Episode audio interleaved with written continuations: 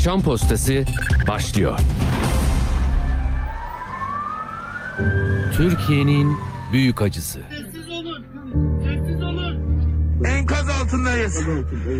Kaşımız kanıyor. Arkadaşımızın birinden ses yok. Enkazdan 3 kişi canlı çıkarılacaktı. O anda bir gürültü koptu. Bize 100 metre yukarı fırlattılar. Böyle inanılmaz bir gürültü insanlar üstümüzden geçti yani. Maalesef burada kötü bir e, manzara söz konusu. Dolayısıyla e, ölü sayısı da ve yaralı sayısı da e, artmış oldu. Ulusal felaketi dakika dakika yayınlara taşıyoruz. İskender bitmiş durumda ya. Böyle mi söylüyorsun ya? Hakikaten mi? Olağanüstü bir durum. Bu ilkitilmiş bir deprem. Bu tabiri ilk defa kullanıyorum daha Türkiye'de. Ee, İngilizce'de bilinen bir tabir bu. Induced Earthquakes diye geçen bir deprem. Atilla Güner'le Akşam Postası hafta içi her gün saat 17'de Radyo Sputnik'te.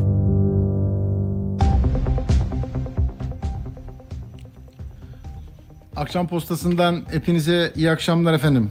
Evet bugün 20 Şubat saatler 17.03 ve biz 15 gün önce yaşadığımız o çifte acının yol açtığı yıkımı konuşuyoruz.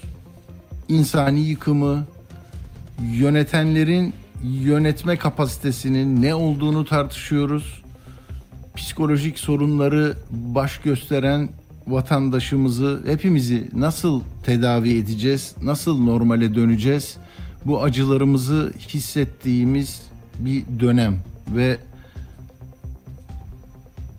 kaçış yok. Belki ara ara hani e, gündelik hayat içinde uzakta bir yerdeysek e, unutuyoruz ama tekrar tekrar en küçük bir sosyal medyadaki yazıdan, resimden, videodan, fotoğraftan etkileniyoruz. Bir çığlıktan darmadağın oluyoruz gerçekten sözcük anlamıyla dağılıyoruz.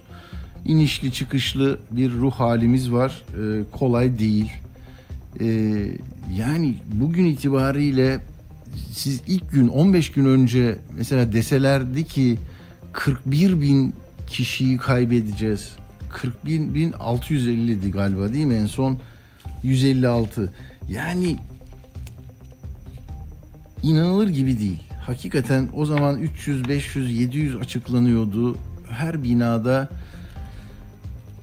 çığlıklar vardı. Gelin, yetişin, buradayız. Adres söylüyorlardı. Yardımlaşmak istiyorlardı ama ilk 48 saat büyük sıkıntı olduğunu herkes tarif ediyor. Herkes kabul ediyor. Yalnızca e, bu görev ve sorumlulukları olanların bir bölümü hayır anında oradaydık diye kendi e, dünyalarında yaşamayı sürdürüyorlar. Şimdi az önce bile az önce yani Erdoğan e, dedi dedi ki e, yıkım çetin kış şartlarına denk geldi. Dünyanın da sayılı depremlerinden birisi. E, tüm gayretlerimizi seferber ettik ama e, aksaklık e, kısmi aksaklık ve eksikliklerimizin e, olduğunu görüyor gördük dedi. Bunda işte kamu, sivil afetle mücadele kapasitemizde devre dışı kaldı dedi. Yani bunları çünkü bence e, vatandaş dedirtiyor arkadaşlar. Yani bizde e, negatif meseleleri konuşmamak esas ya. Hani enflasyon yüzde 84 olurken kimse konuşmuyordu. Ama bir yerde derdi ki işte e, şeyin yaşamlarını güçleştiren bu hayat pahalılığından ezilmemesini sağlayacağız. Bir cümle öyle geçebilirdi. Biz de biliyoruz bu sıkıntıları denirdi. Şimdi de yani e, böyle 41.156 kaybımızın olduğu, bütün binaların üzerimize üzerimize gelip yıkıldığı, yani hırsızlığın, e, denetimsizliğin, koordinasyonsuzluğun ta kendisiyle yüzleştiğimiz bu e, tarih diliminde yine savunma hattıyla karşı karşıyayız. Yani bir, bir iddia olmaktan çıkmış artık. Eksiğimiz var. Tamam. 6. günden sonra her şeyi kontrol etmeye çalışan muazzam bir e, şey var. E, Türkiye burası yani küçük bir ülke değil. Yani zaten yüz küsür ülke yardıma gelmiş o ayrı. Ama biz de kendi kendimize gönülden katılarak çok şey yaptık. Önemli olan ön, öngörebildik mi? Yani burası böyle bir coğrafya. Burada kanunlar çıkardık, tüzükler çıkardık, yönetmelikler çıkardık. Ya şu yapı denetim meselesiyle ilgili kaçıncı kez daha iyisini yapmışız. Bir hoca dedi ki ya yabancı ülkeler geldiler siz ne güzel hazırlamışsınız diye bizden o metinleri isteyenler oldu diyor. Ya biz hazırlıyoruz. Tamam mı? Oraya koyuyoruz, koyuyoruz ama. Sonra hayatın akışı içinde hiçbirisine ihtiyacımız olmuyor. Bir çaka çuka kuruyoruz. Belediye, belediye meclisi, bakanlık, şehir, çevre isimlerini güzel koyuyoruz. Yapı denetim, e, sıfır e, şey e, risk çok iyi olacak. Her şeylerinizi yapıyoruz vesaire. Sonra da böyle altında kalıyoruz işte. Erdoğan'la Bahçeli bugün işte Hatay'a gittiler. Ben orada da görüntülere baktım. Yine eksik bir şeyler var. Ama herhalde böyle olağanüstü şartlarda siyasal iletişimi e, planlayanlar, stratejiyi ortaya koyanlar e, bundan kaçınmayı öğütlüyorlar. Yani halktan bir halktan insan yok. Yani şu ağlayan, başına e, başını omzuna koyan, göğsüne dayayıp yani şunu kaybettim, bu evlatlarım gitti, şu öyle oldu. Hani gecikmeyi eleştiriyi de bıraksın ama duygu, duygusuz, duygusuz resimler, fotoğraflar bende daha negatif etkiye yol açıyor. Bilmiyorum anlatabildim mi? Yani şu sanki burada bir bir istatistiksel bir çalışma, bir tatbikatta aslında ölmemiş de biz ölmüş işte bak olursa neler yaşayacağız aman ha dermişiz gibi böyle mekanik, duygudan yoksun çerçeveler, cümleler, devrik devrik şeyler, e, anlamlar e, katılmış içine. İşte depremin ne kadar ulvi, e, muazzam büyüklükte olduğunu e, anlatan bir yaklaşım. Sonra e, seferber olduk lafı. Yani seferber şöyle mi? Hazır kıta değil mi? Seferber olmak ne demek? İcraatın başlangıcı o. Yani 99'dan beri biz seferberiz aslında. İşte o tüzükleri, yönetmelikleri için yaptık? Bunun için yaptık. Ama oluyor saat 4.17'de işte ilk gün askerin eksik olduğunu herkes söyledi. 3500 asker vardı. Doğru mu? Yeter zannediliyordu herhalde. Asker görüntüsü istenmedi. 8 Şubat'ta da iki gün sonra Erdoğan ne dedi? Bazı haysiyetsizler var dedi. Açık konuşuyorum. Namussuz kişiler. Biz asker görmedik, jandarma görmedik, polis göremedik. Yalan yanlış iftiralar atıyorlar. Şereflidir askerim, jandarmam, polisim dedi ya. Bu şerefsizlerin ağzına biz onları meze yaptırmayız. Yani bir hakikati böyle savurmak mümkün değil. 48 saat olmadığı için her şey yağmalandı. Yani ben de gidip gören bir adam olarak eczacıyla da konuştum. İlk iki gün yağmalanandı. Üçüncü günde bana gelmişler dedi. Orada baktı herkes. Yok. Gelen yok. Sonra sonra şimdi her köşe başında bir asker enkazın başında. Bizde olur ya hani gelir adam katliam yapar ondan sonra bir sarı bant çekerler işte polis izinsiz girilmez inceliyoruz falan filan. Ama önceden gerekli şeyi yapmamış olmanı gideremez ki bu. Yani delilleri toplarsın falan. Neyse. Şimdi Milli Savunma Bakanı da konuşuyor bu mevzuyla ilgili. Yani bunu evet biraz sıkıntı oldu demek e, somut bir olayda kimsenin e, tercih ettiği bir yöntem değil Türkiye'de. Herkes çok iyi. Bak AFAD'ın o açıklama yapan o, soyadı Tatar bir hoca var, profesör, jeolog. Ne diyor? 10 gün 15 gün sonra konuşuruz bu işleri dedi.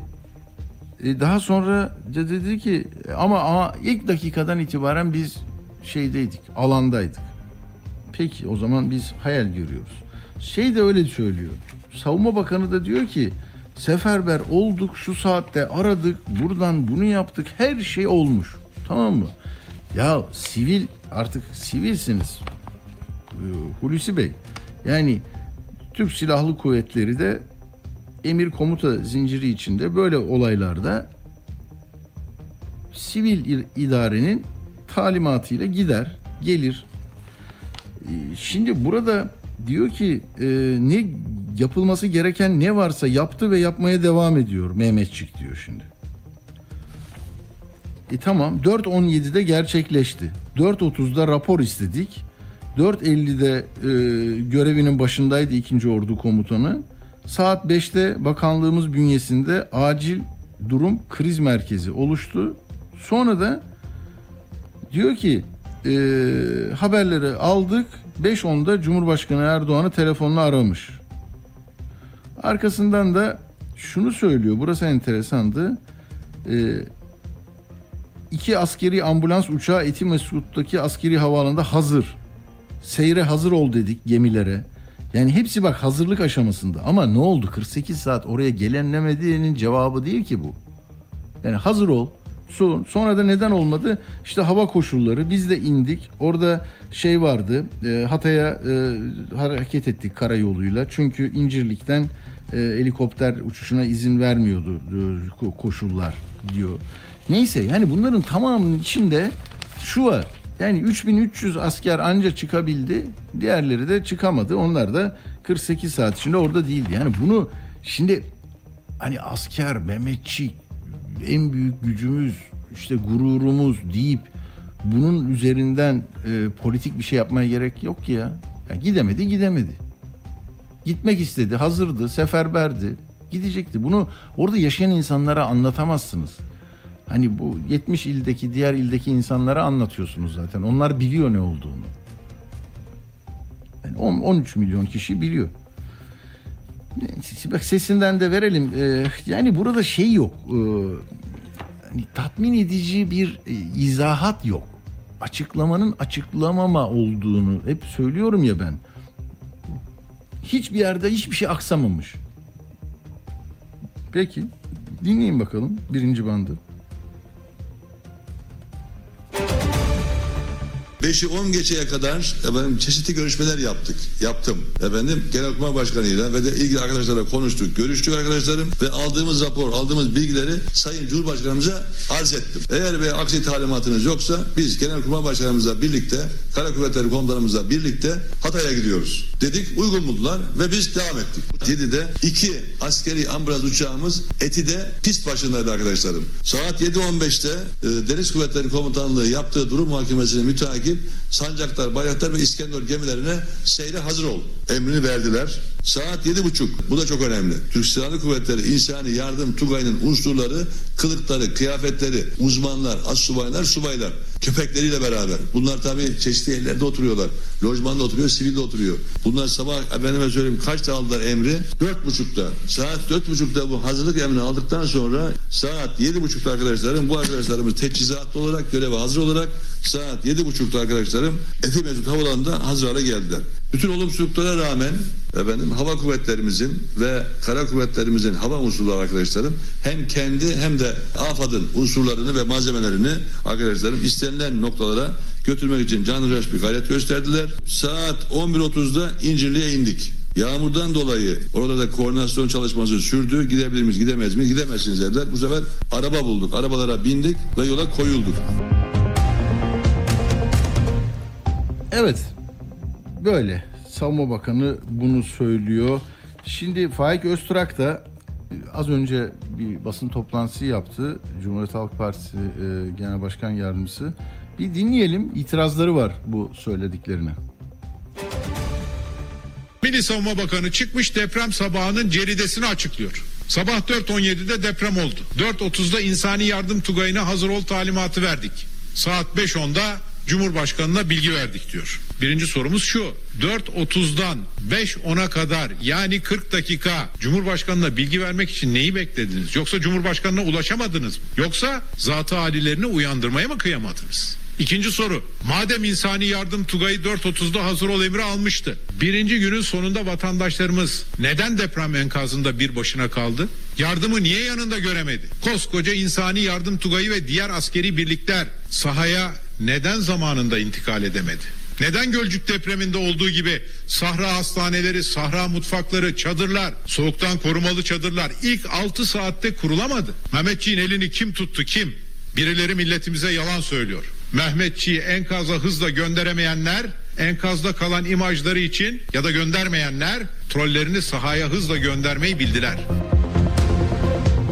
Evet bu tartışma böyle. Vatandaşın kamerası var ki bir şeyleri öğrenebiliyorsunuz. Yani işte Şırnak'tan getirilen e, koordinatör vali var. E, Bilgin değil mi? Osman Bilgin'di galiba. E, o da diyor ki evet geç kalmış olabiliriz diyor. Onu çok kısa ama o geç kalmış bölümünü bir duyalım arkadaşlar. Nurdağ ilçesinin dün akşam kararını aldık Sayın Bakan'la Çevre Bakanı'yla. İlçeyi kaldırıyoruz, komple yıkıyoruz. Tamamını, yüzde yüzünü yıkıyoruz. Yani yaşanan felaketi anlayın diye anlatıyorum. Ve şu anda bir apartmandan 150 ölü çıkan apartman var. 150 tane ölü aldığımız apartman var. Tabii ki Yüce Allah takdiri ilahisi o olmadan biz bir saniye bile adım atamayız. Ve bir saniye sonrasında da hükmedemiyoruz. Ben Trabzonlu olduğum için bize hocalık fazladır onu söyleyeyim. Hocam burada olduğu için çok fazla konuşmuyorum da. Şunu anlatmaya çalışıyorum. Ama biz insan olarak üzerimizde düşen sorumluluğu yapmalıyız. Biz onun için buraya geldik. İnsan olma şey gereği. Devletin temsilcisi olarak sizlerle beraber olmak, sizi dinlemek için geldik. Kusura bakmayın belki geç geldik ama durum gördüğünüzden, bildiğinizden çok daha vahim. Açıklanan rakamlardan en az 3, 4 belki 5 kat daha kötü. Bazı illeri komple yıkıp yeniden iller yapılmış. Evet Osman Bilgin böyle söylüyor. Vatandaş kamerasındaydı. Tabii o 4-5 katı dediği zaman herhalde e, vefat sayısı 10'du, e, 10 bin civarındaydı. Yani bu şimdi bildiğimiz 41 bin rakamını 4 ile 5 ile çarpmamızı e, doğru bulmuyorum ben. Öyle yorumlar da var. E, çünkü daha geçmişten e, gelen bir video olduğunu düşünüyorum bunun.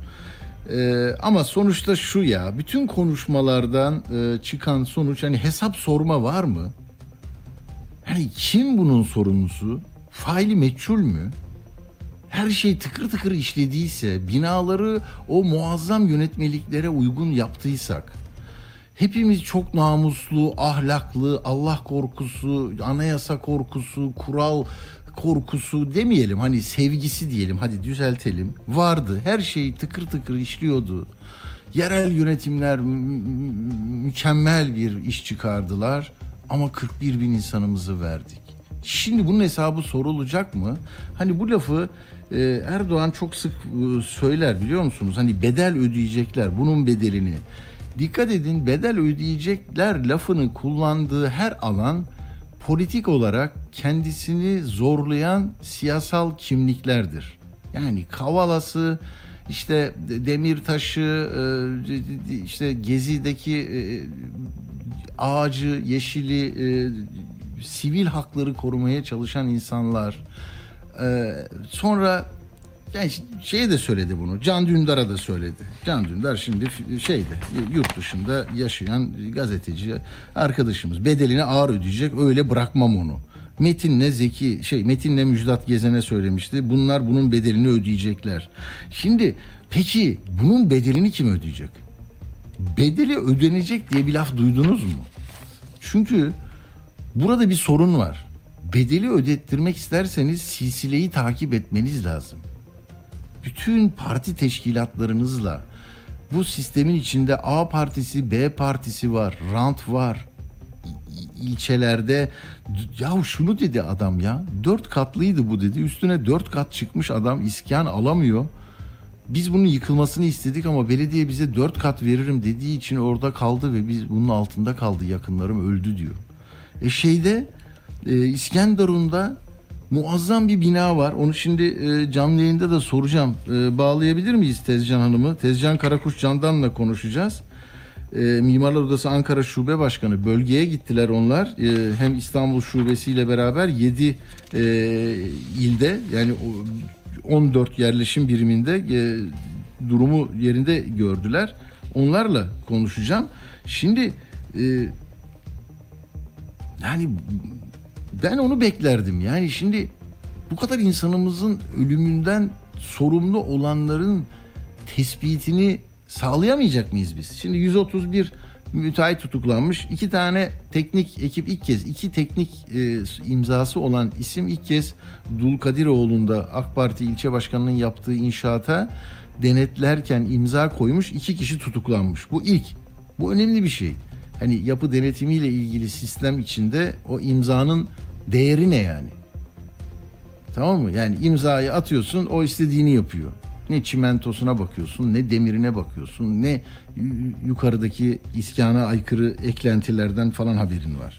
Ama paranı, imzanı atıyorsun, paranı alıyorsun. Böyle olursa, e, yani tablo bu olursa bunun bedelini ödetmek lazım. Bırakın politik olarak sizi eleştirenlere her zaman bunun bedelini ağır ödeyeceksiniz diyor deniyor da ya bir savaşta bu kadar kayıp vermiyor ülkeler bu kadar büyük yıkım olmuyor. Bunun bunun hani iç iç iç düşman diyorlar ya, iç işgalci falan diyorlar ya eleştirenlere bu sistemin iyi sistem gibi kurulduğunu ama uygulamada bambaşka çarpık ilişkiler böyle rant insan hayatını içe sayan bir e, ittifak olduğunu görüyoruz. Dolayısıyla e, burada hani hesabı sorulacak bunun. Mutlaka sorulacak ve yeni bir e, gidip de böyle yeni bir yerde e, şehir inşa ediyoruz diyor şimdi e, orada e, koordinatör vali.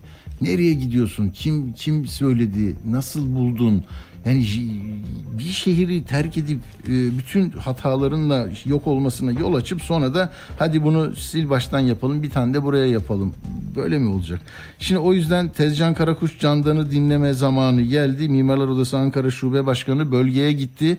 İstanbul Şubesi Genel Merkez Mimarlar Odası'ndan e, çok yeri gezdiler ve e, paylaştılar. 7 il 14 yerleşim birimi demiştim. Evet merhaba Tezcan Hanım hoş geldiniz. Merhabalar, iyi yayınlar. Teşekkür ederim. Evet yani gördüklerinizi e, paylaştınız kısmen kamuoyuyla. Sizi e, en çok e, hani sistemi biliyorsunuz hep şikayet ettiğiniz, dikkat çektiğiniz noktalar da olmuştur bu can kayıplarına neden olmuştur. En çok sizi yaralayan ne oldu? Yani göz göre göre geliyor dediğiniz o çarpık si- sistemin hangi e, parçası e, tamamen iflas etmiş yani işe yaramıyor ki bu kadar insanımızı kaybediyoruz. Ee, Valla aslında bizim bölgede gördüğümüz sistemin bütün parçaları iflas etmiş. Yani sistem topyekün çökmüş. Silsile yoluyla merkezi yönetiminden yerel yönetimine, planlama süreçlerinden yapı üretim sürecine, işte mimari tasarımından e, mühendislik e, hesaplarına ve denetimine kadar aslında bütün bir yapı üretim süreci e, iflas etmiş. Çünkü bu yapı üretim sürecinin aktörlerinin aslında e, işte kanun, yönetmelik, kurallara uyma gibi bir yaklaşımları yok yani. Son 21 yıldır biz aslında toplumsal bir böyle ahlaki çöküntü yaşanıyor. Yani herkes e, işte işini bilenleri seviyor, e, dürüstleri, doğruları çok e, öne çıkartmıyor. Yani de- Evet, bu kamuda da böyle doğruluk, dürüstlük, e, enayilik olarak e, ifadelendiriliyor. Yani işte bana dokunmayan yılan bin yaşasın diye böyle toplumcu bir bakış açısı olmuyor. Dolayısıyla bütün bu kurallara uymama e, ve etik değerlerden yoksunluk, iktidarın aslında bunun önünü açıyor olması, kendi uyguladığı politikalarla bu yapı üretim sürecinin her noktasına, her aktöre işlemiş durumda. Yani yer seçiminden ruhsat vermesine, işte tasarım O, yapmasına. o silsileyi Tezcan Hanım çok kısa anlatır mısınız? Hani bir ben e, usule uygun altı katlı izin verilen bir yerde yapmaya başlıyorum.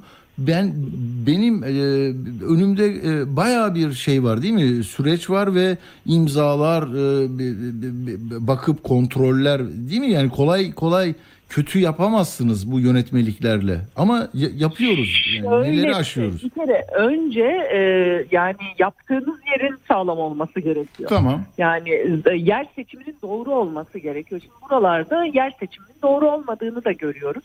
Yer seçimi doğru değil ama o Tarihsel olarak mı yani doğru değil? Hani orada eskiden beri varmış, Şöyle değişmemiş yani. mesela, e, Ya bunları ama dikkate alacaksınız. Fay hatlarında e, yer Hmm. yerleri var. Şimdi e, bunlar yerleşime açılmış. Sonra buraya binalar yapılırken iki kat vermişsiniz, üç kat vermişsiniz. Sonra Hmm. bir altı kata çıkmışsınız mesela. Diyelim ki iki Hmm. katlı yapılacak bölgelerde, deprem bölgelerinde siz işte kentsel dönüşüm demişsiniz. Oranın derecesini değiştirmişsiniz.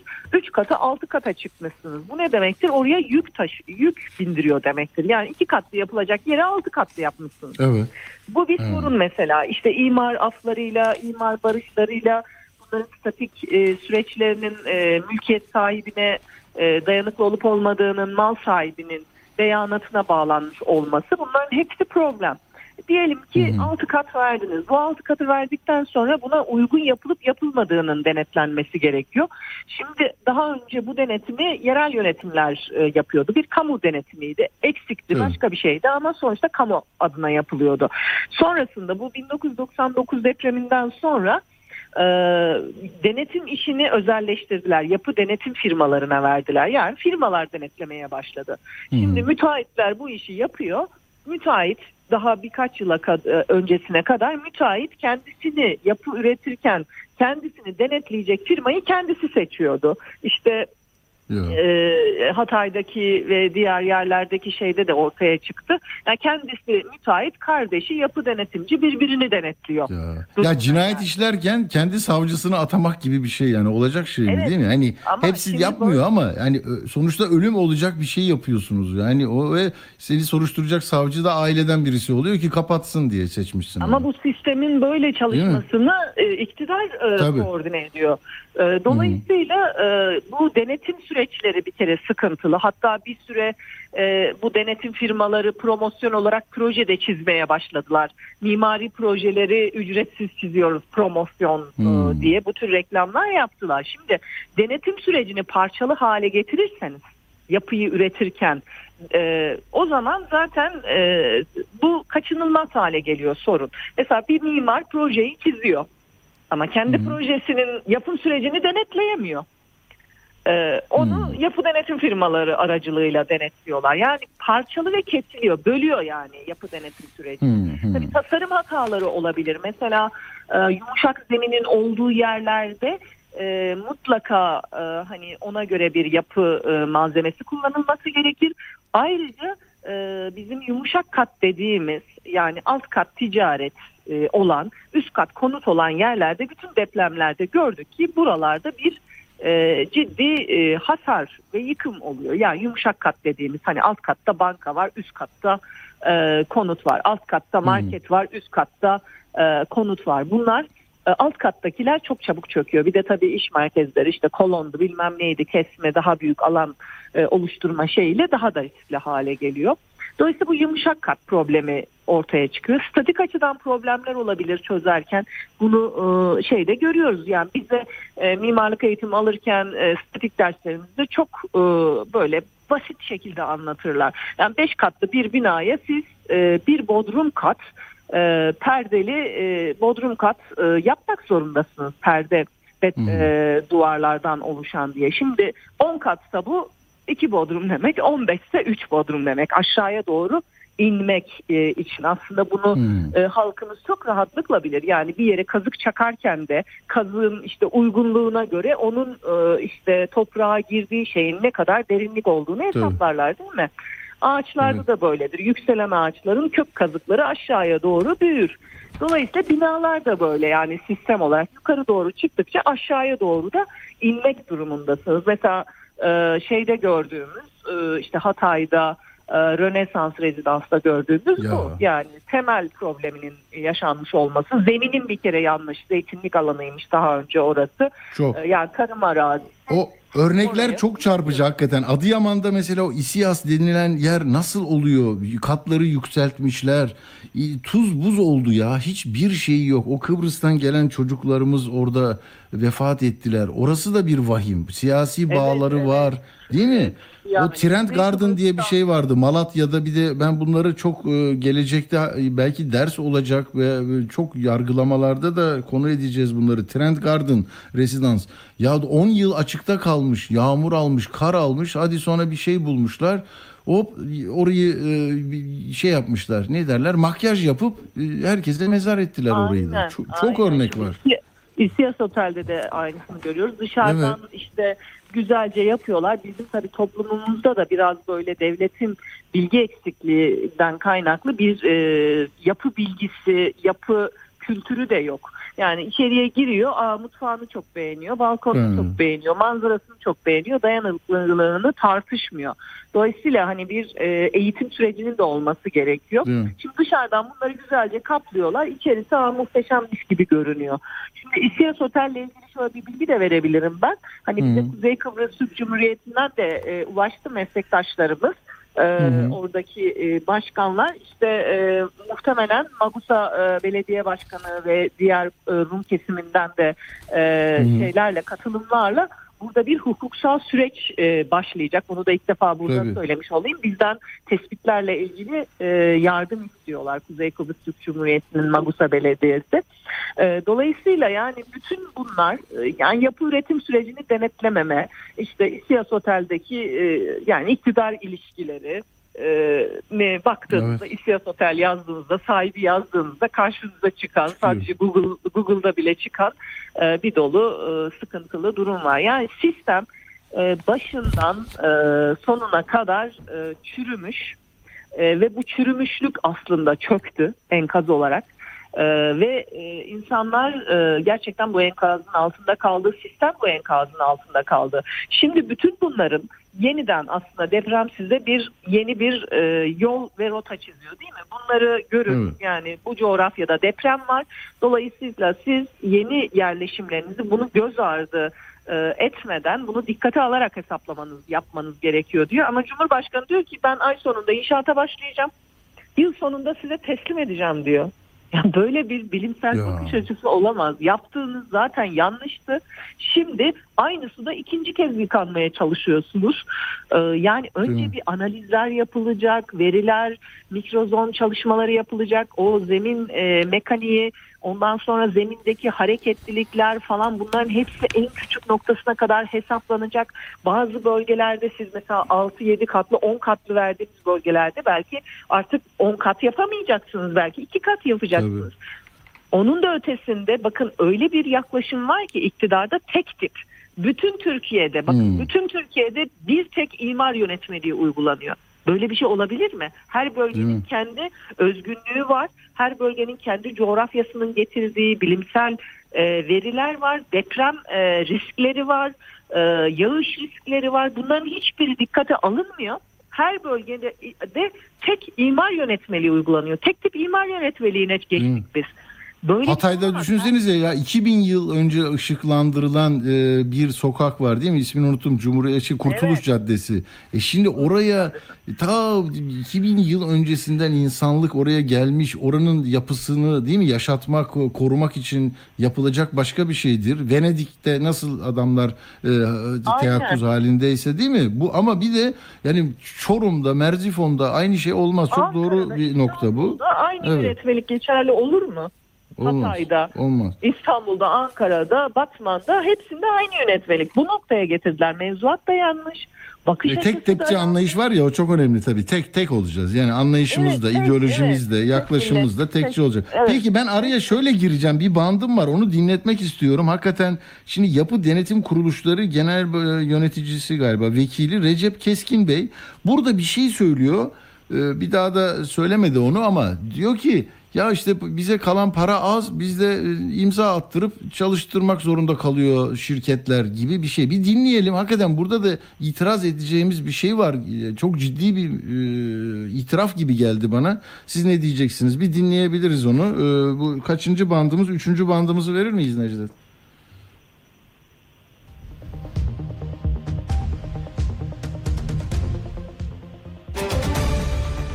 2000 yılında sigorta şirketleriyle birlikte bu işi e, daha başladığında yürütecektik. Fakat o zamanki rakamlar %8'di yapı denetim ücreti. %3'ü sigorta şirketlerine, %5'i yapı denetim kuruluşları ve laboratuvar hizmetlerine ayrılıyordu. Fakat %3 de sigorta şirketleri bunu kabul etmedi. Dolayısıyla geri dönüldü. %3'e indirildi yapı denetim kuruluşu bedeli ve sigortasız olarak devam etti. Ondan sonra %1,5'a indirildi. Yüzde bir buçukluk ücretle yapı denetim kuruluşları zor geçinir hale geldi. Asıl sıkıntımız burada. Yüzde bir buçukla geçinmeye çalışan yapı denetim kuruluşları mecburen mecburen bazıları sadece imzacı ve inşaata gitmeyen mühendisleri bünyelerinde tutmaya ve bunu birkaç ucuza çalıştırdığı e, mühendislerle desteklemeye çalıştı. Bakanımızla da 2020 Burada vahim değil mi bu? Ee, Tezcan Karakuşcan'dan da vahim, konuşuyoruz. çok vahim. Hı hı. Zaten yapı denetim firmalarının özelleştirilmesi, kar, ticaret e, Ya. yaklaşımı bunu getiriyor. Biz zaten bunun bir kamu denetimi olarak yapılmasını, yapı denetim e, bürolarının olmaması Evet. gerektiğini söyledik bu kanun çıkarken. Ne oluyor? Şimdi siz yapı denetim bunlar sonuçta kendi kendini geçindirmeye çalışacak kurumlar Hı. oluyor. Öyle diyor ya bize hiç Ha bana o kadar para verdin, az verdin. Ben de az az az para alacak adam buldum. İşimi yapamadım. Bu ölümlerde Tabii, öyle çıktı işte. imzacı imzacı teknik eleman çalıştırıyorlar. İmzacı imza atıyor, diplomasını kiralayan yani e, asgari ücret bile vermeyen in- e, insanları çalıştırıyorlar. Zaten sistemin kendisinin yanlış olduğunu biz hep söyledik. Yani bu sonuçta e, o firmayı kuran kişinin önceliği o firmanın e, işte kendi iç şeyinin e, dönüyor olması değil mi? Gelirinin Tabii. giderinin dönüyor olması. Şimdi siz kamu adına yaptığınız bir denetimde işte para az kalıyordu, çok Tabii. kalıyordu gibi hesap yapabilir misiniz? Yapabilir misiniz? Kamu tarafından yapılması gerekiyor. Ben e, işte yerel yönetimde çalıştım devlet memurundan ihraç edilmeden önce. Sonra evet sonra dediler orada çok çalıştı. Alalım oradan dediler Ha, aldılar. işte onu da biliyorsunuz sermayenin Biliyorum. e, hukuksuzluğunu ortaya koyduğumuz için yaşadık. Şimdi belediyede çalışırken biz bütün denetimleri kendimiz yapıyorduk. Yani hafriyat aşamasında işte inşaata başlanıp başlanılmadığını, kaç metreküp toprak çıkacağını, bu toprağın nereye döküleceğini hepsini belediye kontrol ediyordu. Temel atılırken temel vizesini, beton atılırken beton vizesini, demir bağlanırken demir vizesini. Şimdi ben orada demiyordum ki bana az para veriyordu, çok para veriyordu, bize az kaldı, çok Tabii. kaldı demiyor. Çünkü kamudan alıyorsunuz ücretinizi. Tabii. Dolayısıyla e, denetlediğiniz şeyi meslek etiğine göre e, denetliyorsunuz. Yani eksikleri olabilir tabii ki. Kamuda da bir, bir dolu sıkıntılar Mutlaka. olabilir. E, etik değerlerden yoksun kamu görevlileri olabilir. Ama sonuçta bir kamu denetimi vardı. E şimdi ne diyor bakın yapı denetim firması? Bize para yetmeyince ucuz mühendis çalıştırdı. Ya, ucuz ya. mühendise gitmedi, e, denetlemedi. İşte Tabii imzasını attı, aldı parasını. Hani ne kadar çünkü çok az veriyorum, Öyle gitmiyor olur. bile, Sistem bakmıyor. yanlış kurulmuş zaten. Sistem yanlış kurulmuş. Bir yapıyı... Peki bunları Tezcan Hanım sonunda hani iskan diye yine yerel yönetim tecrübeniz de var diye söylüyorum. Hani bir sürü hatalar oldu oldu. Beklenen şu mu yani? İskan e, başvurusu yapıyorlar. O zaman da bir te- teknik heyet geliyor herhalde. Bakıyor tamam her şeyi usule uygun deyip e, iskan veriyor değil mi? Oturma izni veriyor. O süreç nasıl e, işliyor? Neden bunu soruyorum? Benim bir bir yakınım Amerika Birleşik Devletleri'nde kendisi e, evini böyle zaten hazırmış orada şeyler anlatıyor bana. Çizimleri seçtim bir şeyi, geldim evimi yaptırdım. Sonunda diyor oturmak izni izin için başvurduğumda geldi bir yetkili her şeyim harika dedi ama gardırobum vardı böyle diyor. Açılınca bir ışık yanıyordu üstünde elbiseyi görelim diye gömme dolap. Oradaki ampulün yangına yol açabileceğini söyledi. Benim iskanımı vermedi diyor. Şimdi detaya bakar mısınız ya? Yani bunu şimdi mi, anca gülüyoruz değil mi biz? Ne kadar adam ya sen burada bak elbisen yanar ve yangın çıkar diye vermemiş, uğraşmış, elektrikçi çağırmış, onu düzeltmiş. Ondan sonra bunu böyle anlatıyor. Şimdi Türkiye'de bir de uygulamaya bakın. Ya Türkiye'de tabii hiç, e, e, yani baştan koktuğu için e, sistem e, aşağıya kadar her aşamada öyle. Normalde tabii ki yapı e, işte yapım süreci devam ederken bunu ciddi şekilde denetlemiş olsanız e, her aşamasını işte kat betonları dökülürken demirler bağlanırken her aşamasını e, işte denetlemiş olmasınız iskan aşamasında artık son o haline geliyor. Zaten iskanda mimari projesine uygun yapılıp yapılmadığına bakıyorsunuz. Yani Hmm. içindeki betonuna bakmıyorsunuz. O çünkü daha önceki aşamalar olarak geçiyor. Mimari projesine uygun yapılmışsa hani onaylı bir mimari hmm. projesine uygun yapılmışsa işte SGK borcu yoksa orada çalıştırdığı şeylerin e, işçilerin SGK borcu yoksa oradaki kriterler var. Ona uygun oturun şekilde diyorsunuz. Evet oturursunuz diyoruz ama mesela öyle bir şey oluyor ki işte fazla metrekare e, projesine aykırı fazla metrekare yapmışsınız. Yola taşmışsınız. E, ondan sonra projesine aykırı şekilde işte ne bileyim statik projesine Tamam. kolonları ayrı yere koymuşsunuz. Bunlar mesela iskan verilmemesi gereken şeyler ama Ama sonra imar affı çıkıyor. Her şey oluyor değil mi? Ondan sonra ya zaten ülkemizde çö- sistem o kadar kötü ki yani biz yaşadık ve biliyoruz yani. Tamam burada şimdi Amerika'da gardırobun üstündeki e, işte e, yanan lamba yangın çıkartabilir riskiyle e, e, iskan vermiyorlar. Burada mesela desek ki biz yangın çıkartır şeyiyle e, vermiyoruz desek bunun anlamı yani siz aslında bunu halledebilirsiniz e, demek Hmm. anlamına geliyor. Yani rüşvet istemenin başka bir yolu olur. Değil mi? Bizde böyle Değil mi? söylense. Evet. Yani birçok e, insan e, yani birçok kamu görevlisi de dejenere olmuş durumda. Yani bu sistemin kendisi Tabii. bunu üretti. İktidar muaf değil ya. Kimse muaf değil. Yani bunu hep beraber el Tabii, birliğiyle tabii. bu hale yani getirdik. ne dedi Turgut Özal? Benim memurum işini bilir dedi. Ya. Ya buradan başladı iş. Benim memurum Peki bilir dedi. so- son son 3 dakikada böyle madde madde ne yapalım da yapalım yeniden inşa e, süreci başlatanlar var. Bence zihniye inşası çok daha önemli bu meselenin. Ne yapalım biz sağlıklı Ya bir binalarda kere oturmak için? tamamen değiştirilmesi gerekiyor. Yani bu zihniyetin değişmesi gerekiyor. Yani bilimsel olarak yeniden analizlerin yapılması gerekiyor. Bütün imar planlarının iptal edilmesi lazım. Hmm. Çünkü o bölgelerde 10 kat vermişsiniz siz. o 10 katı yapamayacaksınız belki. Onun için e, mikro ölçekte özellikle zemin hareketlerini dikkate al- al- e, alarak bir e, planlama çalışmasının e, yapılması gerekiyor. Yer seçimlerinin kesinleşmesi gerekiyor. Sonra da yapı üretim sürecinde böyle tek tip yapıyla e, olacak değil. Olmaz. Her bölgenin Hı. kendi özgünlüğü var, kendi malzemesi hı. var, kendi gelenekselliği var. Bizim bölgede gördüğümüz oydu zaten. Kendi geleneksel dokusunun büyük bir kısmı yıkılmamıştı Maraş'ta mesela kalede ikişer katlı yapılar var. Hiçbiri yıkılmamıştı. Ovaya yayılanlar Yani- yıkılmıştı. Hah, zaten yanında yıkılmayan varsa, diğeri yıkılıyorsa o yıkılanda mutlaka bir sorun var. Teknik değil mi? Yani is- Tabii, istismar tabii, edilmiş, teknik, suistimal yüksek. edilmiş. Evet. Ee, yer seçimi yanlış, e, kat yüksekliği yanlış, denetimi yanlış. Ee, bir kere kendi e, bölgesine uygun yönetmelik ve mevzuatların olması gerekiyor. Bakın tek yönetmelikle bütün Türkiye tek tip imar yönetmeliğiyle yürütülemez. Ya Ankara ile Tamam. Batman, Ankara ile Hatay, Ana Ankara ile bu. Maraş Evet bunlarla yürütülemez. İkincisi denetim işi e, kamusal bir iştir. Yapı denetim firmalarına teslim edilemez.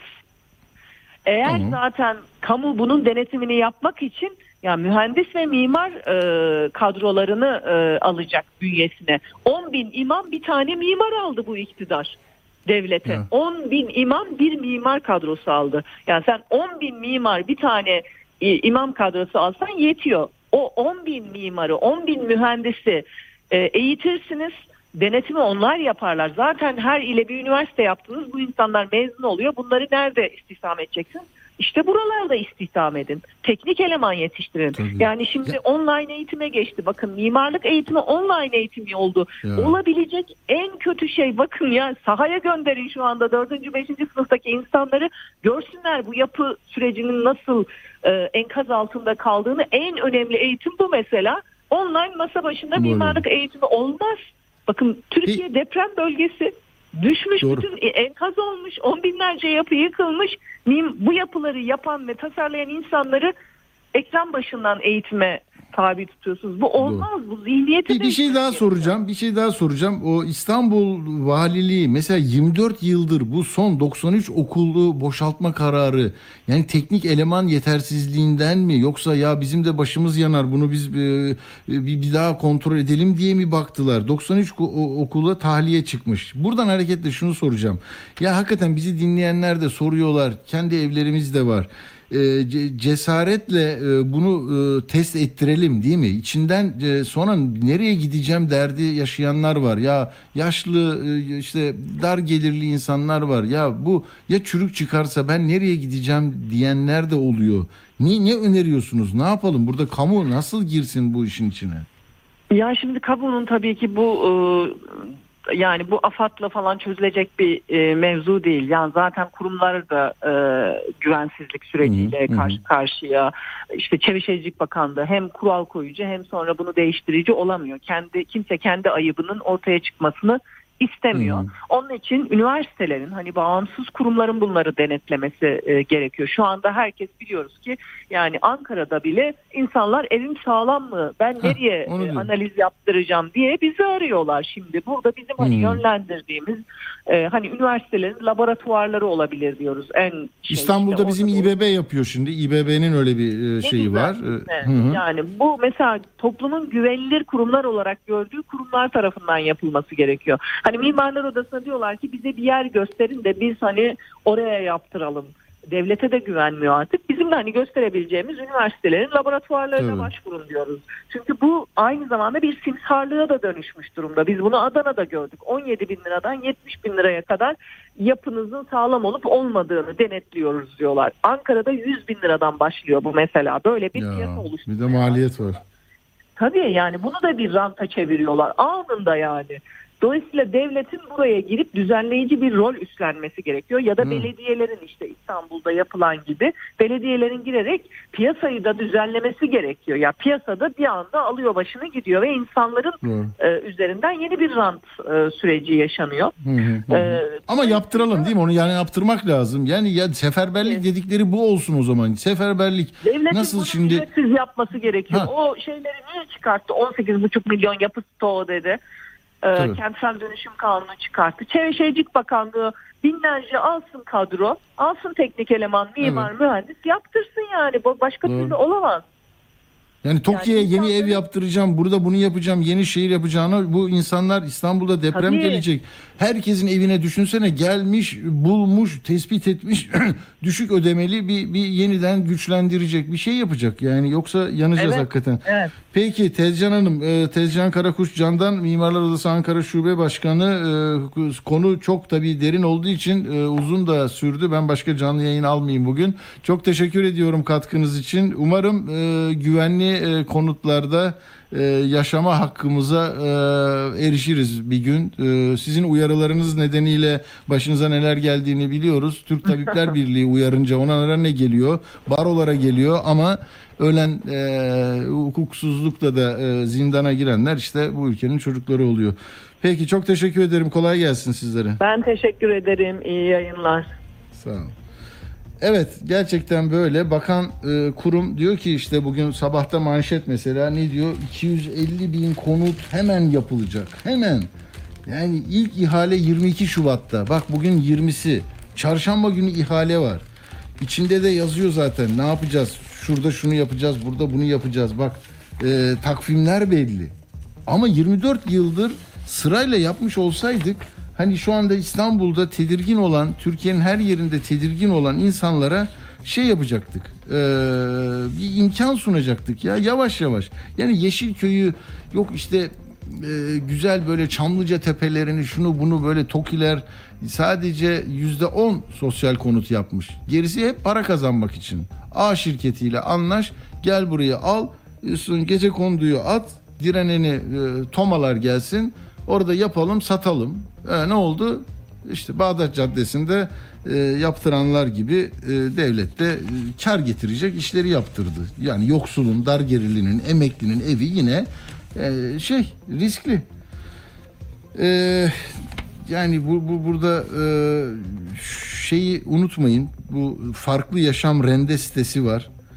Yani burada Milli Eğitim Bakanı ile fotoğraf çektiren insan kreş yapmak için kolonları kesiyor. Müteahhit diyor ki sen arsa sahibisin. Kızına kreş yapacaksın. Ama yapma bunu diyor. Şikayet ediyor sağa sola kimse bir şey yapmıyor. Aradan geçti. Ee, şimdi ne o? 7 yıl geçti. Bu ölümlerin arkasından Adalet Bakanı diyor ki o takipsizlik veren savcı için inceleme başlattık. Ya 104 kişi öldü 104. Yani takipsizlik verirken 104 kişinin ölümüne neden olacağını e, hiç mi düşünmediler? O savcısı, belediye başkanı nasıl bir ilişki bu ya? Arsa sahibi Arif Sami Rende. Bak müteahhit kızmış yapma demiş. Sana E, yani yaptığım e, iki blok sana yapıyorum. Üçü benim. Bak ben yaptırmadım böyle bir şey hata. Sen niye yapıyorsun? Hepsi gitmiş abi. 11 Mayıs 2016'da. Evrak kayıt falan diye böyle de şey var. Lanet olsun ya. Sonra da hadi yeni şeyler yapalım. Ölülerin üstüne. He? Oradan enkazları kaldırıyoruz. Kiralık kasaları bir yerlerde işte şey küçücük kasaları, laptop çantaları gördüm bugün adli emanette. Numara vermiş bekliyor. Darmadağın olmuş ama hesap soracağız diye bir şey yok. Çünkü hesap sorduğun zaman kendine kendinle yüzleşeceksin. 20 küsür yıldır burada yöneten ve tek hakim anlayışıyla meseleyi yeniden e, şekillendiren sensin. Nereye döneceksin? İki yıl önce gelseydin derdin ki geriye döneriz. E, yani geridekiler yaptı derdin. Ama şimdi 99 önce yapılanlar böyle oldu. Ya senin vatandaşın değil mi? Yani onları oradan e, göstermelik iki e, kentsel dönüşüm değil. Yani her yerde ya Kadıköy'de, Beşiktaş'ta, Karşıyaka'da, Ankara'da, Çinçin Bağları'nda, Keçiören'de ne oluyor? Darıca'da, Düzce'de ha? Yok. İşte böyle. Denetçiyi de gözaltına almışlar, iyi tutuklamışlar. Dava açıldı mı? Al Elazığ'da 24 Ocak 2020'de 6.5 büyüklüğünde bir deprem oldu. Buna göre çok küçüktü. 76 bina yıkıldı. 1066 binada hasar aldı. 41 kişi öldü. Belediye ve bakanlık 40 bin lira tazminat ödemeye mahkum edilmiş bir davada. Başka bir de 23 sanık hakkında 2 yıldan 15 yıla kadar hapis istenmiş. Tutuksuz yargılanıyorlar. Hiç kimsenin e, yani hesap sorulmadan başka bir evreye geçebildiği bir memleket bu. Maden ocağında o yükselen iki ismi unutmayın. Müessese müdürüsünüz. 40 kişi ölüyor, 30 kişi ölüyor. Siz bir üste çıkıyorsunuz. Şimdi Levent Gök de öyle bir örnek vermiş. Ne kadar doğru bilmem. Ama doğru değilse de düzeltiriz. Hamza Cebeci diyor. 20 kişinin ölümüne neden olan Düzce depreminde müteahhitti diyor. Sonra diyor e, 2015'te Darül Azize Başkanlığı görevine getirildi. Sonra da diyor e, Üsküdar Belediye Meclisi üyesi oldu. İBB'de İmar Komisyonu'na getirildi. 2020'de de diyor kararname ile Cumhurbaşkanı'nın danışmanı yapıldı diyor. Ee, şey için. Hamza Cebeci için. Bilmiyorum. Siyaseten bunları konuşalım diyor. Konuşalım o zaman. Şimdi peki bunu nasıl konuşacağız? Kim konuşacak? Konuşabiliyor muyuz? Al işte. Tele 1 3 gün kapatma cezası. Bir mahkeme yürütmeyi durdurmuştu. Bölge mahkemesine istinafa başvurmuşlar. Orada da e, ikiye bir hakimler kapatalım bunu demişler. İşte Perşembe, Cuma, Cumartesi 3 gün kapanacak. Sana geriye ne kalacak size? Mesela e, antre girişi salon salamanje böyle çok güzel lebi derya falan derler ya. Öyle çadırları haber yapan arkadaşları dinleyeceksiniz siz. Ver bakalım dört nolu bandı. Çok az. Yani çadır 4 gün 5 gün sonra geldi. Bir kısmı dağınık dağınık da olsa iş görüyor. Ama o çadırı nasıl anlatıyorsun? Bak depremi çok büyük anlatacaksın. Dünyadaki ekonomik sıkıntıyı en büyük anlatacaksın. Ee, Her şeyi, çadırı en güzel anlatacaksın. Tamam mı? Geri kalan hikaye. Al dinle bakalım. Evet şu an çadırdan içeri giriyoruz. Tabii çadırdan içeri girince selamünaleyküm. Şimdi burada bir antre karşıladı bizi ve antreden geçerek şu an salona geldik. Tekrar, merhabalar. Çadırlar kuruldu ve şu an kalıyorsunuz. Çadır tabii gördüğüm kadarıyla 3 aşamadan oluşuyor. Şöyle gösterebilir miyiz? Arkada ne var abla? Kiler diye netinde. Kilerimiz. Çadırdan diğer bölüme geçiyorsunuz efendim. Şöyle ben geçeyim. Bakın burada üçüncü aşama ve burada da kiler olarak. Evet böyle tamam mı? Ee, olağanüstü e, bunlar. Sonra zaten Toki'den de şeyleriniz gelecek. Ee, evleriniz de gelecek. Her şey yolunda olacak. Ee, İstanbul'da hani dedim ya şu okul meselesi arkadaşlar yani 99'daki depremin yol açtığı e, sıkıntıları araştırmak istiyoruz. 1418 okulumuzun çoğu riskli diye tespit edilmiş ve halledilmiş. Ama son olarak bu 109 e, 93 riskli okul daha bulunmuş. 76 okulumuz yıkılıp yapılması gerekiyormuş. 20 Şubat pazartesi günü itibariyle bu 93 okul e, hemen yer değiştirmiş. Çünkü depremin geleceğini anlamışlar. Yani sonra başımıza işi açmayalım diye gitmişler. Böyle olmuş. Neyse. Bak bu medya ile ilgili son iki dakikada da şunu söyleyeyim. E, Arda'dan istemiştim. Arda baktı. A Haber'de son 3 günde kimler nasıl konuşuyor? Halk konuşmuyor diye bir şeyim var ya benim. Yetkililer de konuşmuyor vatandaşla. Ee, orada kimler konuşuyor? Bakın şu sesler var. Çok memnunumuz devlet çok memnunuz. Devletimiz çok yardım ediyor. Allah onlardan razı olsun. Asrın felaketi deniliyor ama sanmıyorum bu bin yılın felaketi. Bak yükselt. Devlet millet el ele verip bunun üstesinden geleceğiz. Tamam biz de öyle diyoruz zaten. İki saat içerisinde herkes enkaz altından çıkartıldı. İki saat içerisinde. Yani nasıl bir şey? Belediye başkanımızın öncülüğünde bunu yaptık. Hep böyle bak. Hep böyle tamam mı? Sonra doğruları e, verdiği için Mehmet Akif Ersoy'a karşı bir mücadele. Onu işte Star gazetesi yapıyor. Sen böyle demiştin. Yani dedin ki e, şey bölgede kurtarma ekipleri bir e, birisini ulaştığında hemen onu durduruyorlar. Başka birilerini çağırıyorlar. E, kameralar da çağırıyorlar falan. E, yani demek istiyor ki Star ya bu sağlık görevlilerini çağırıyorlar. Sen orada niye yanlış bir şey söylüyorsun? Bunlarla uğraşıyoruz tamam mı? Yani sizin doğruya, bilgiye, işe yarayacak, hayatı değiştirecek, eksiklikleri tamamlayacak, yanlışları bir daha tekrar ettirmeyecek bilgiye, doğruya e, ihtiyacınız yok. Tamam mı? Siz her şeyin mükemmel ve iyi olduğuna ikna olacaksınız. Kötü şeyler tarihte vardır. Avrupa'da raflar boştur. Sizde yüzde 84 ile hiçbir sorun olmaz. Ee, dolayısıyla size e, bi- bizim gibi bir şeyler vermeye çalışanların da yaftaları çoktur. Yani istedikleri yaftayı koyabiliyorlar. Ee, neyse hadi bakalım. Şimdi 40 oldu 59-40 biraz minicik bu tanıtım var geliyoruz.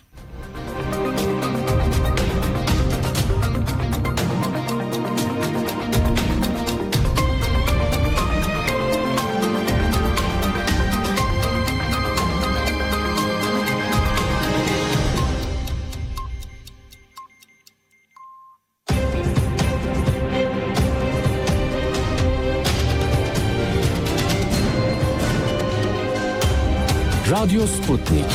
Anlatılmayanları anlatıyoruz. Türkiye'nin büyük acısı. İskenderun'dan Baran Can Kaya'ya bağlanacağız. Merhaba Baran Bey. Merhabalar. Umay değil mi sizin yakınınız onu mu arıyordunuz? Evet. Ablanız. Enkaz altında hala. Deprem olduğundan beri hala ses alamadık ablamla. Geç müdahaleden dolayı vefat eden de oldu. Konuşup da sonra çıkarana kadar onlar da vefat etti maalesef. Ulusal felaketi dakika dakika yayınlara taşıyoruz. Ben merkeze gittiğimde de Akut ekiplerine saldırı düzenleniyormuş. Ben Akut ekibine ablam için bir ihbar oluşturuyorum. Akut ekipleri benim yanıma gelene kadar bıçaklar, silahlar, sopalarla Akut ekiplerine saldırıyorlarmış. Halkımızı yani duyara davet ediyoruz. Ya kimse böyle ölümleri hak etmiyor. Ablamın çıkıp çıkmayacağı meçhul. Hala kavga, kaos. Akut ekipleri polislerin kendilerine yeterince koruyamadıktan artık polislerin bile çaresiz kaldığını söylüyorlar. Çünkü çok büyük bir saldırı var. İnsanlar can havliyle akutları da yolda çeviriyorlar yani mecburen. Atilla Güner'le Akşam Postası hafta içi her gün saat 17'de Radyo Sputnik'te. Atilla Güner'le Akşam Postası devam ediyor. Evet efendim. Gerçekten çok büyük bir e, yıkım bu. Hani binaların yıkılması, orada 41 bin insanımızın hayatını kaybetmesi zaten tek başına çok çok ağır bir travma. Ama yakınlarını kaybedenler var. Biz dışarıdan seyirci gibi izliyoruz ama yani bu izleyicilik izleyici olma halleri bile e, çok çok acı veriyor insana. Zaman zaman e, tutarsız hareketler, öfke patlamaları, e, daha anlayışsız e, yerlere savrulduğumuz oluyor. Öyle gözlemlerim var. Bunları da anlamamız lazım. Nasıl yardımcı olacağız? Ne diyeceğiz? Ben dün mesela çok etkilendim. Gerçekten anne, baba ve iki ablasını kaybeden ismini şimdi söyleyemedim ama e, Berfin, Berfin Kırık. Tıp Fakültesi 3. sınıf öğrencisi diyor ki siz normale dönmeyi falan konuşuyorsunuz. Bundan sonra normal normal yok benim hayatımda diyor bak evimi kaybettim. Normal diye bir şey yok artık diyor. Haydi dönebiliyorsanız dönün. Normale dönelim diye çırpınıyor herkes diyor. 2-3 paylaşım yapınca normalinizden çıkmış mı oldunuz depremle ilgili? Yani bunu işte uzmanına e, soracağız. Bölgeye gitti. Türkiye'den e, Psikiyatri Derneği'nin oluşturduğu bir heyet. Daha da ayrıntıyı öğreneceğim. Profesör Ejder Yıldırım e, Bey hattımızda. Merhaba efendim hoş geldiniz. Hoş bulduk. iyi yayınlar diliyorum. Sağ olun. E, evet siz gittiniz bölgede inceleme yaptınız. Oradan Evet. e, çı- çıkardığınız sonuçları hani radyo dinleyicisinin e, tabii çok çeşitlidir mutlaka acıyı farklı farklı yaşıyoruz da belki hayatına da katkı olur diye hocam e, bize ne düşüyor orada ne yaşanıyor ülke olarak toplum olarak birey olarak nasıl e, nasıl izleyelim nasıl katkı sunalım meselesini sizle konuşmak istedik. Teşekkür ediyorum öncelikle yer verdiğiniz için. Ee, biz tabii ki aslında bütün afet e, müdahalelerinin e, birkaç adımı vardır. Bunlardan bir tanesi de e, yardım edeceğiniz bölgeyi tanımanız gerekiyor. Çünkü bu kadar büyük bir coğrafya etkilenince bizim Evet. tabii ki e, amaçlarımızdan bir tanesi bir ihtiyaç haritalaması, bir durum haritalaması yapmak. O nedenle de biz dernek olarak e, uzman bir ekiple önce bölgeye sahaya gittik. E, gücümüzün yettiğince de kadrolarımızda e, doktorlarımız o bölgede ilk e, müdahalelerde bulundular. Ben döndüm ama şu an ikinci bir ekibimiz tekrardan bölgede. Hem gittiğimizi yeniden gözden yani bir hafta içerisinde, üç gün içerisinde her şey değiştiği için yeni bir gözlem ve hem Hatay hem Maraş bölgesinde şu an yeni bir ekiplerimiz yeni değerlendirmeler yapıyor. Çünkü şöyle söyleyeyim anlamak açısından her an ihtiyaçta, durumda, yaklaşımda değişiyor bölgede.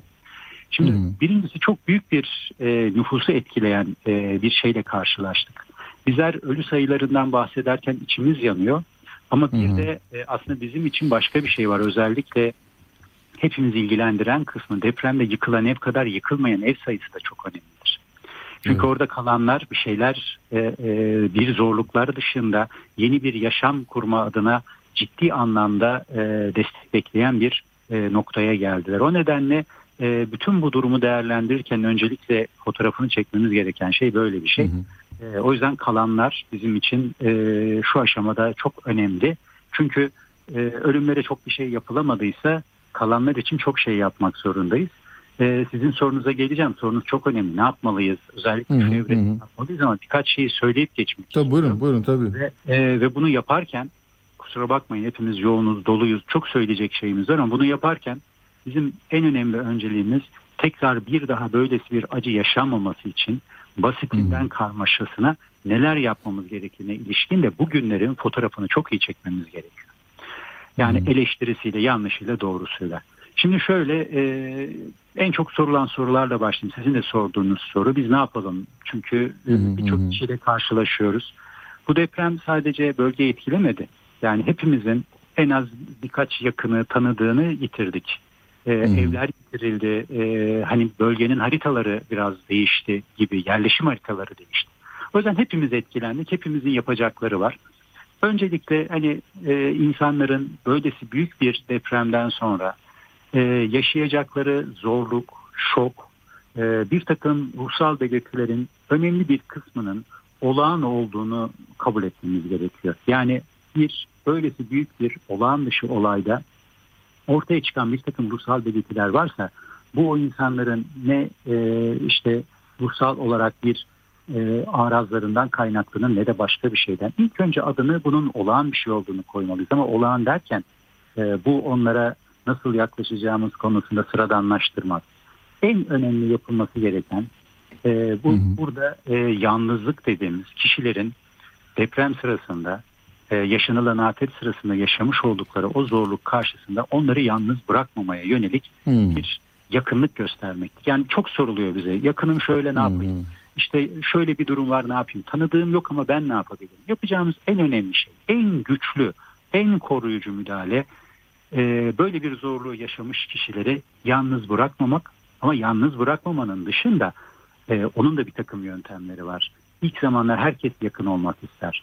Sürekliliği olan gerçekten ihtiyaç olduğunda orada ol, olacağınızı hissettirdiğiniz şekilde gerçekçi bir yakınlık oluşturmak çok önemli. Bunu hem devlet yapacak ama hem de bizler e, tanıdığımıza zorluk yaşayana onun yanında olma konusunda çok gerçekçi bir e, yol haritası sunacağız. E, Ya, yanı, yanı- ya, hocam e, mesela onun yanında olmak, o yalnızlığı hissettirmemek nasıl yani hem maddi hem manevi hem fiziken.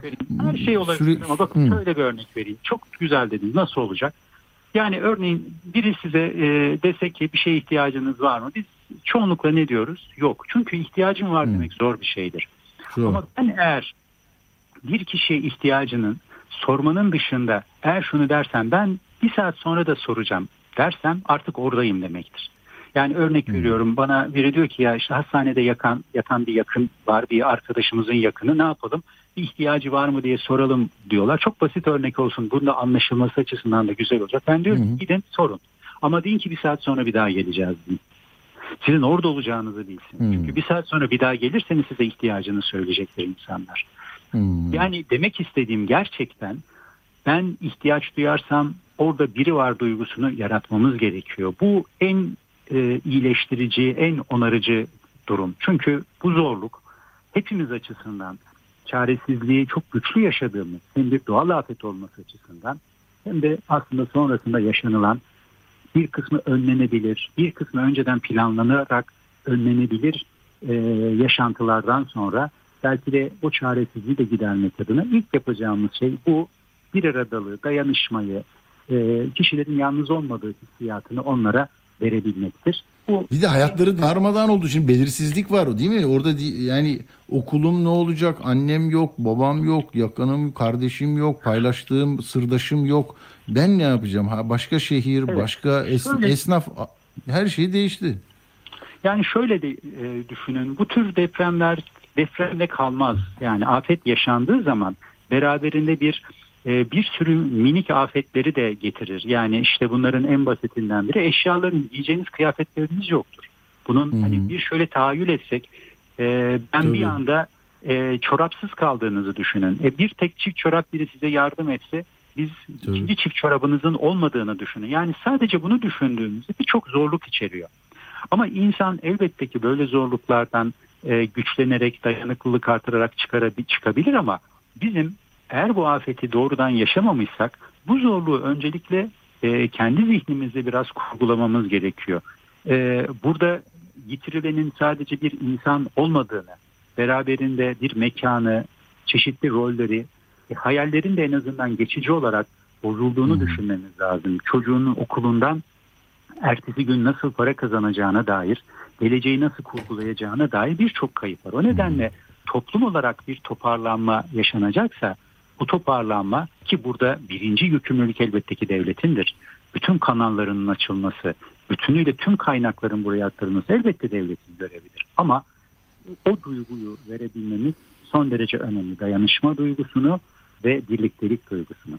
Ama bir şey daha söyleyeyim. Tabii bu birliktelik duygusu demek sadece e, bir sevecenlik anlamında yakınlık değildir.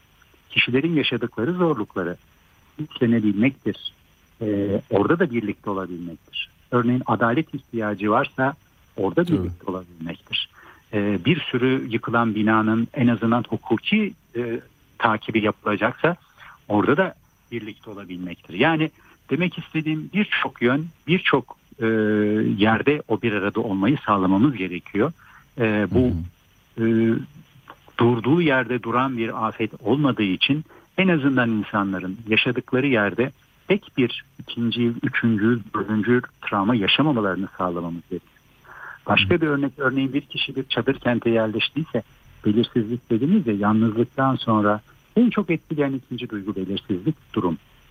Siz belirsiz bir durumda e, bir ayınızın sonrasında ne olacağını bilmediğiniz bir durumda çok zorlanırsınız. Çünkü bütün zihniniz bir an evvel bir şeyleri düz, düzene sokma ihtiyacındadır. Acınız ne olursa olsun belirsizlik e, tahammülü zor bir durumdur. O zaman o belirsizliği gidermek gerekiyor. e, bu belirsizlik anlamında kişilerin maddi durumlarından yani maddi ihtiyaçlarından yaşantı durumlarına kadar hızla özellikle devletimizin hızla onlara bir yol haritası çizmesi gerekiyor ve bu yol haritasının onların e, imkanlarıyla değil devletin imkanlarıyla olmasını da sağlamamız gerekiyor. İşte bütün buralarda yalnız bırakmayacağız. Orada olacağız. E, yalnız bırakmamak e, dediğim gibi sadece bir ihtiyaç sormanın ötesinde olacak. E, onlar adına gerekirse konuşacağız. Hani bütün bu duygular bence dayanışma e, en azından e, acıyı azaltmaz ama acı karşısında güçlendirir insanları. Doğru. Peki hocam siz orada seyahat ettiniz, gördünüz, gözlemlediniz, konuştunuz belki. Ee, orada bu, bu derece derece acıyı yaşayanlar e, ne derler? Onların e, yani isimlerinin önüne iki nokta üst üste koysak en çok söylenen ne oluyor bu acıdan sonra? Ne bekliyorlar yani bizlerden ya Yani- da hayattan? Şöyle söyleyeyim yani tabii bizim orada temas ettiğimiz iki grup vardı. Bunlardan birincisi e, orada e, bir şeyleri düzeltmek adına bulunan gerek Hı. sağlık çalışanı gerek görevliler birincisi onlarla temas ettik. Çünkü bir hizmeti organize etmemiz gerekiyordu. Bir de gerçekten karşılaştığımız ya da bazen e, muayene etmek anlamında karşılaştığımız kişilerle de onların zorlukları nelerdir diye baktık. Şimdi e, ilk aşama zaten ilk haftada yapmaya çalıştığımız en önemli şey temel durumu e, bir şekilde düzene sokmaktır. Yani ısınmalarını sağlamak, e, onların işte kıyafetini organize etmek, e, barınma yerlerini, varsa yakınlarını güvene almak ya da varsa birileriyle yakınlarıyla temas kurmasını sağlamak. İlk yapmaya çalıştığımız bu. Ama en önemlisi tabii ki orada bir de enkazda bekleyenler vardı. Henüz daha yakınlarını enkazda almak isteyenler vardı. Ve bir de orada ne yapmak gerektiğiydi. Tabii ki şunu hep önerdik. Ee, sonuç olarak e, hala enkazda e, çıkarılmayı bekleyen vatandaşlarımız var. Ee, işte yakınları e, enkazların başında bekliyorlardı. Kimi soruyordu beklesinin beklemesini. Biz bekleyebildi, bekleyenlere engellemeyin dedik. Çünkü insanlar bir şeyler yapmak istiyorlarsa e, onlara destek olmamız gerekiyor. E, tabii ki en çok talep ettikleri yakınlarının e, bir an evvel kurtarılması yönündeydi. E, bu bazen bizler için de çok zorlu bir e, görüşme oluyordu. E, bazen ihtiyaçları bağlamındaydı. E, biz özellikle e, kişilerin hani elimizden geldiğince herkesin kendi e, ne diyelim alanında karşılaşmış olduğu kişilerin ihtiyaçlarını karşılamaya çalıştık. Biz tabii ki hizmet verecek arkadaşlarımızın e, onların bir kısmı bölgedeki hekimlerde e, barınma e, durumları varsa onları sağlamaya çalıştık. E, yaralılar varsa onlarla ilgilendik. E, onların bir kısmının yakınlarıyla ilgilenmemiz gerekti. Çünkü hani kendisi ortada kalmış çocuğu var. Onu diğerli güvenli yerlere götürmek. Önceliğimiz tabii ki e, herkes dokunabildiği yerde bir e, bir şeyler yapmaya çalıştı. Evet. Evet. E, ve Uzun bir süreç zaten daha çok başındayız değil mi hocam? Enkaz kalkacak e, sonra daha ruh ruh ruhumuzdaki yıkımın enkazı e, epey kalacak. Aynen öyle. Bunu ikiye ayıralım. Bir yapısal yapıların e, yıkılması vardır, hasarı. Bir de sosyal yaşamın e, duygu, sosyal yaşamın hasarı vardır. Sosyal yaşamın hasarı enkaz demiyorum burada ama bir hasar vardır. Sosyal yaşamın hasarının onarılması bazen e, yıllarla. Doğru. Biz o yüzden uzun erimli ne yapabiliriz? Aslında sahadaki ekiplerimizin de temel hedefi orada hani kısa süreli e, bir müdahale değil uzun süreli bir müdahaleyi nasıl yaparız üzerine. Cerrahi müdahaleyi çok kısa sürede bitirebilirsiniz ama bizim işimiz şimdi başlıyor. E, o yüzden oradaydık. Peki. Profesör Ejder Yıldırım e, sağ olun hocam E, bölgedeki gözlemlerini aktardı bize. Deprem bölgesindeydi heyetle birlikte. Çok teşekkür ederim katıldığınız Ben için. Sağ teşekkür olun. ediyorum. İyi yayınlar sağ olun. Sağ olun, sağ olun. Evet buradan hemen Uğur Koçbaş'a gidelim bakalım. Uğur da dünyada Japonya'da bu meselelerle ilgili ne var ne yok onları e, araştırdı, okudu. Uğur merhaba hoş geldin. Ne oluyor Merhaba, dışarıda? Hmm. Şimdi ben hafta sonu e, biraz az önceki konuğumuzun bahsettiği meseleye e, çalıştım. E, Japonya biliyorsunuz e, 2011 yılında bu hem 9'luk deprem ardından gelen tsunami ve nükleer felaketi yaşadı. Orada 20 bin kişi öldü yani bizdekinden daha az. E, ve 470 bin Japon başka şehirlerde yeni bir hayata başlamak zorunda kaldı. Ama çok büyük bir travma yaşadı Japonlarda. Ve e, şimdi az önceki konuk söyledi ya orada biri var duygusunu hissettirmek lazım diye. Hmm. Japonya hükümeti bunu çok güzel yaptı. Çünkü 3 yıl boyunca bu bunu hissettirmek için birçok proje ürettiler. Merkezler kur- bu finansmanı tamamen devlet bütçesinden karşılandı. Yani 155 milyar dolarlık bir yeniden inşa bütçesi açıklamıştı Japon hükümeti. Bu sadece yeniden inşayı inşaatların yeniden inşası olarak düşünmeyin. Kalplerin de yeniden inşası olarak düşündü Japonlar bunu ve Kokoro no destek merkezleri isimli merkezler oluşturdular. Ama gönül dostları mer- merkezleri gibi de e, anlaşılabilir e, bu. 3 yıl süreyle bunu tamamen fonladılar. Burada en az 20 kişi görev yaptı. İşte psikologlar, teknik ekipler vesaire Ee, ve vatandaşlar buradan gelip e, destek alabildiler. Ayrıca ev ziyaretleri yapıldı. Özellikle bu konteyner kentlerde yaşayan aileler risk grubu ilan edildi. Bunların daha çok psikolojik sorun yaşayabilecekleri e, söylenerek e, 107 farklı sivil toplum kuruluşu e, çalıştı bu meselelerle ilgili. 28 büyük araştırma yapılmış. Bunların hepsinin makaleleri yayınlanmış. Ee, ama şu çıkıyor ortaya. Ee, yani bu 3 yıllık devlet desteği yetmemiş. 10 yıl sonra bile bu depremin psikolojik problemlerinin devam ettiği anlaşılmış. Yani bu o kadar hafife alınacak bir şey değil. Ee, böyle bir büyük afet yaşadığı zaman toplumlar bunun etkisi yıllar boyu e, devam edebiliyor. İntihar oranlarının bu deprem bölgelerinde e, ülke ortalamasından çok daha yüksek olduğu tespit ediliyor. Alkol problemleri, anksiyete gibi şeyler ortaya çıkmış. E, ve bunlara e, psikolojik destek hattı kurulmuş ve bunlara bu merkezlerle ve bu hatlarla ve projelerle insanlara iş kazandırmak için e, yine programlar yapılmış. Bu şekilde bu travmayı aşmak için Japon hükümeti çok büyük bir çaba sarf etmiş ve bunu da e, büyük bir fonla yapmak e, durumunda kalmışlar. Ama buna rağmen e, stres kaynaklı kalp krizlerinden halen hayatını kaybeden Japonlar olduğunu da e, uyarı olarak söylüyorlar. Yani bu işin e, devam takibinin yapılması gereken ve e, bir an bile boş bırakılmaması gereken bir mesele olduğunu e, söylüyorlar. Bunun dışında Amerikan Dışişleri Bakanı göreve başladıktan sonra ilk kez Türkiye'ye ziyarete geldi. E, hem deprem bölgesine bir havadan e, yıkımı görmek için e, gezdi. Sonra İncirlik Hava Üssü'ne gitti. Oradaki e, Amerikalıların da oluşturduğu bir yardım merkezi var. Koordinasyon merkezi. Orayı ziyaret etti. Sonra da Çavuşoğlu ile bir basın toplantısı yaptı. Yani orada aslında F-16'lara falan girmeye gerek var mıydı bilmiyorum ama e, o meselelere de girdiler. İşte F-16, F-35, işte Suriye'nin kuzeyi vesaire bu konuları da konuştular basın toplantısında ama Biden'ın depremden birkaç saat sonra e, hemen bir emir verdiğini ve bütün federal kuruluşlara Türkiye'ye destek için talimat verdiğini söyledi Blinken. Şimdiye kadar 85 milyon dolar gönderilmiş, 100 milyar milyon dolar daha ek yardım gelecekmiş. Bu arada genel, BM Genel Sekreteri de 1 milyar dolarlık yardım talebinde bulunmuştu dünyadan Türkiye ve Suriye için. E, son olarak da Erdoğan'la görüştü. E, orada Esenboğa'da bir salonda görüştüler. Ee, Yunanistan Dışişleri Bakanı bir açıklama yaptı. Avrupa Birliği ve Türkiye'ye destek çağrısı yaptı. Çok büyük bir felaket söz konusu. Türk dostlarımıza yardım etmeliyiz dedi. Almanya Dışişleri ve İçişleri Bakanları ikisi de kadın e, Kahramanmaraş'a gidecekler. Bugün Almanya açıkladı bunu.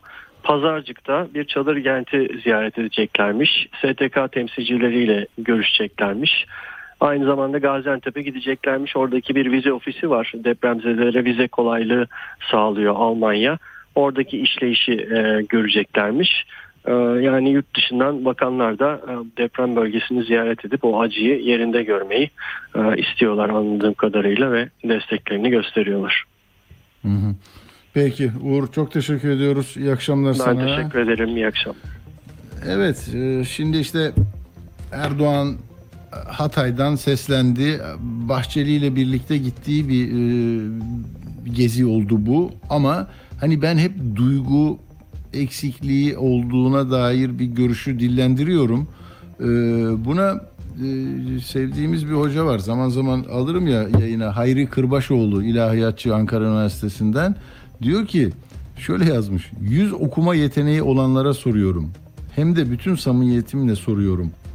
Deprem felaketi esnasında medyada görüntü veren resmi sivil iktidar çevrelerinin yüzlerine bakılınca görmekte zorlandığım ama adını bir türlü koyamadığım bir şey var. Nedir bu diye soruyor. Şimdi bir şey bir şey eksik. Yani hani bu 41 bin insanın acısıyla e, örtüşmeyen bir şey var diye düşünüyorum ben. Buradaki kaygının, buradaki mm, izlenen e, e, iletişim stratejisinin ne olduğunu hakikaten e, anlamak için çaba harcıyorum. Fakat e, zor, zor, zor. Peki yani 20 bin kişinin e, kayıp e, vefat ettiği bir il orası Hatay. Yani bir daha yeniden kurulduğunda belki 15-20 yılda yaraları sarılabilecek bambaşka bir e, sıkıntının kaynağı olan şehirde e, ifadeler, yaklaşımlar e, da not ediliyor herhalde. Peki hadi ben kaçıyorum. İyi akşamlar diliyorum hepinize. Hoşçakalın.